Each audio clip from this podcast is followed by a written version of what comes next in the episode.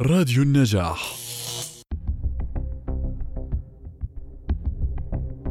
المقدمة. الإعلام يفضح كل ما هو رديء.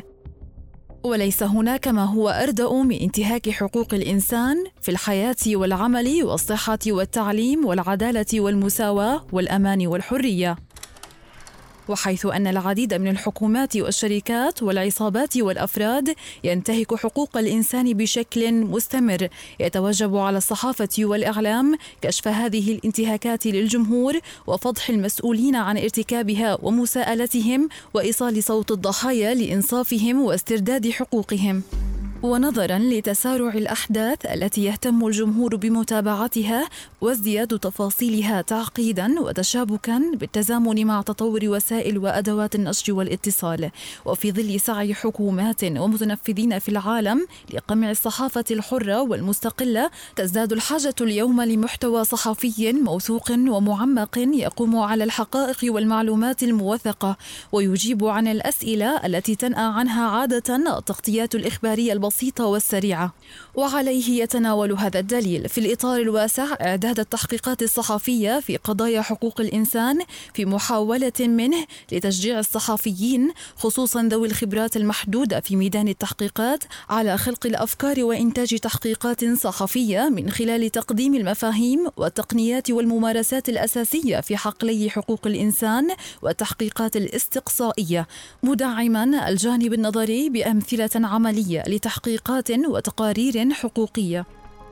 يستهل الدليل في فصله الأول بالتعريف بصحافة حقوق الإنسان وأهميتها في إحداث تغيير إيجابي وتحسين واقع الناس وتمكينهم من حقوقهم المدنية والسياسية والاقتصادية والثقافية والاجتماعية.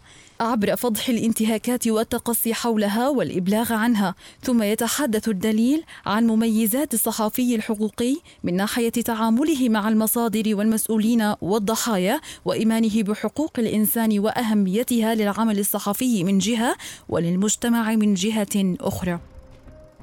أما في الفصل الثاني فيركز الدليل على التحقيقات الصحفية خصوصا في قضايا حقوق الإنسان ابتداء من التعريف النظري لمعنى التحقيق الصحفي وأبرز وظائفه ثم ينتقل إلى التمييز بين التحقيقات الصحفية والتقارير الإخبارية العادية مع الإشارة إلى أهم المهارات والخبرات والصفات التي يحتاجها الصحفي التحقيقات من أجل إنجاز عمله بطريقة مهنية وفعالة.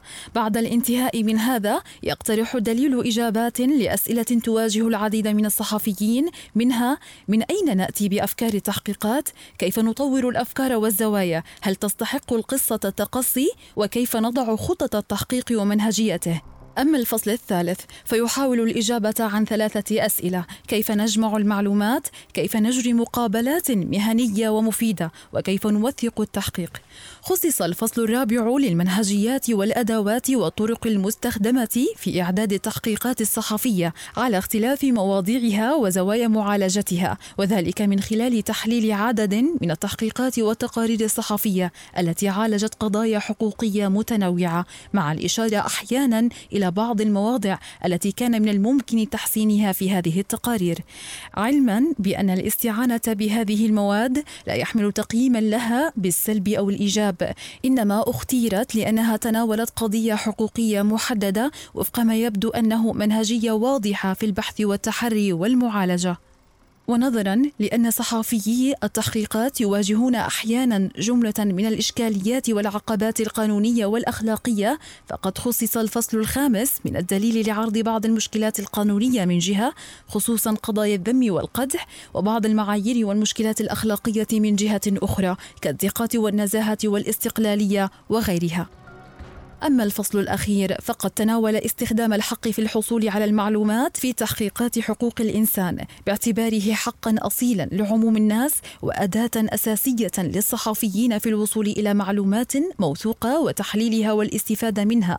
في إعداد تحقيقات صحفية قادرة على كشف انتهاكات حقوق الإنسان ومراقبة المسؤولين وإنصاف الضحايا. كما يقارن هذا الفصل بين التجربتين الأردنية والتونسية في قوانين الحصول على المعلومات نظرا لأن الأردن أول بلد عربي يسن قانونا للحصول على المعلومات رغم المشاكل في نص القانون وتطبيقه ولأن التجربة التونسية واعدة في هذا المجال رغم التحديات التي تعترض طريقها.